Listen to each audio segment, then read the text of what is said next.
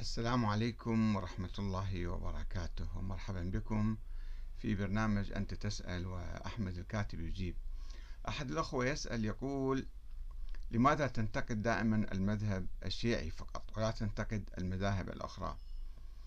وأيضا آه، يسأل يقول أي من المذاهب يكون أفضل؟ قلت له في البداية لا ضرورة لأي مذهب يكفي الإسلام أو تجمع بين تختار الآراء الصحيحة من جميع المذاهب ولا تقلد مذهبا واحدا. ثم سألني قال لماذا أنت دائما انتقادك موجه ضد الفكر الشيعي ضد المذهب الشيعي ولا تنتقد باقي المذاهب؟ هل الخلل فقط في المذهب الشيعي وباقي المذاهب كلها صحيحة؟ هذا ليس طرحا علميا مع احترامي لحضرتك. فأجبته بما يلي. قلت له أخي العزيز النقد ليس إعلان حرب ضد الشيعة وإنما هو عمل ضروري كعمل الطبيب الذي يعالج المريض من أجل شفائه ومنحه الصحة والعافية.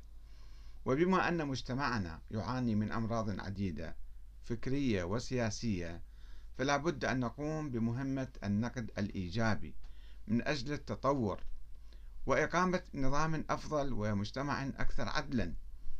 وبالطبع فإن المريض الأقرب أولى من غيره ولا يعقل أن تترك مريضك في البيت وتذهب لتعالج مرضى الجيران. ثم في الحقيقة أكثر من ذلك يعني المذهب الشيعي ما يسمى بالمذهب الشيعي هو مذاهب عديدة مدمجة مع بعض. هناك الإسلام أساس هذا المذهب. الإيمان بالله تعالى واليوم الآخر والنبي والنبوة والأنبياء آه، وفروع الدين.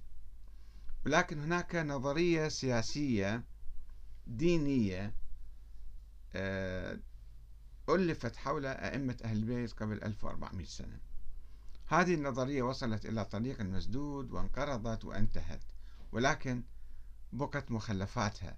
فولدت آه، النظرية الاثنى عشرية في القرن الرابع الهجري. وهذه النظرية ولدت ميتة. أضرت الشيعة قبل آه، غيرهم. وذلك هذه النظرية كانت تدعو إلى الانتظار السلبي للإمام الغائب وعدم جواز القيام بأي حركة سياسية بإقامة دولة أو ثورة ضد الظالمين أو أي شيء. هاي هذا آه، هاي النظرية مخدرة كانت. مخدرة ومميتة وقاتلة للشيعة. همشت الشيعة عبر التاريخ وأخرجتهم من مسرح الحياة. ثم ولدت نظرية أخرى على أنقاض تلك النظرية أو من رحمها وهي نظرية المرجعية الدينية. يجيك واحد يقول لك أنا مجتهد أنا فقيه أنا نائب الإمام الغائب. يفترض نفسه هو نائب الإمام يفترض نفسه هو فقيه ويفترض نفسه أنه هو نائب الإمام. ثم يقول أنا الحاكم الشرعي.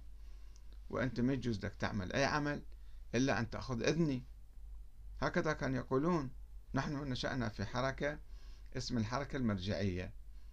في الستينات من القرن الماضي السيد محمد الشيرازي والسيد حسن الشيرازي ألف كتابا حول ذلك كلمة بعنوان كلمة الإسلام. وكل الفكر مالنا كان يدور ولا يزال طبعا حتى الآن بعض مراجع النجف يقولون لا يجوز أنت تشكل حزب أو تقوم بأي عمل سياسي إلا تأخذ تغطية من المرجع لأن هو الحاكم الشرعي. ويفتون إذا تراجعون فتاوى العلماء مسائل آه، العملية يعني. في أنه الحاكم الشرعي كل مسألة ما يجوز لك تتصرف فيها إلا تأخذ إذن من الحاكم الشرعي خاصة في المسائل المالية والخمس والزكاة وكذا.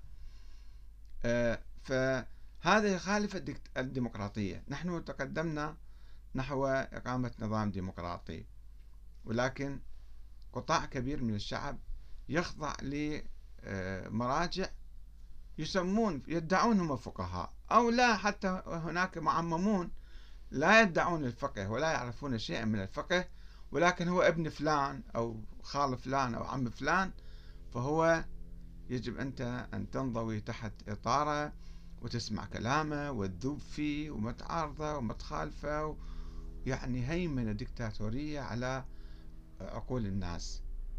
هذا لا يوجد في المذاهب الأخرى يوجد أدنى فقط. فلذلك نحن أولى آه، أن نناقش هذه الأمور وننتقد جذور هذه الدكتاتورية المهيمنة علينا. لذلك نبحث الفكر السياسي. أنا ما أبحث ربما أحيانا أناقش في بعض المسائل الفقهية الجزئية. ولكن ما يهمنا هو الفكر السياسي الذي انحرف عن أهل البيت منذ قبل ألف سنة وأكثر.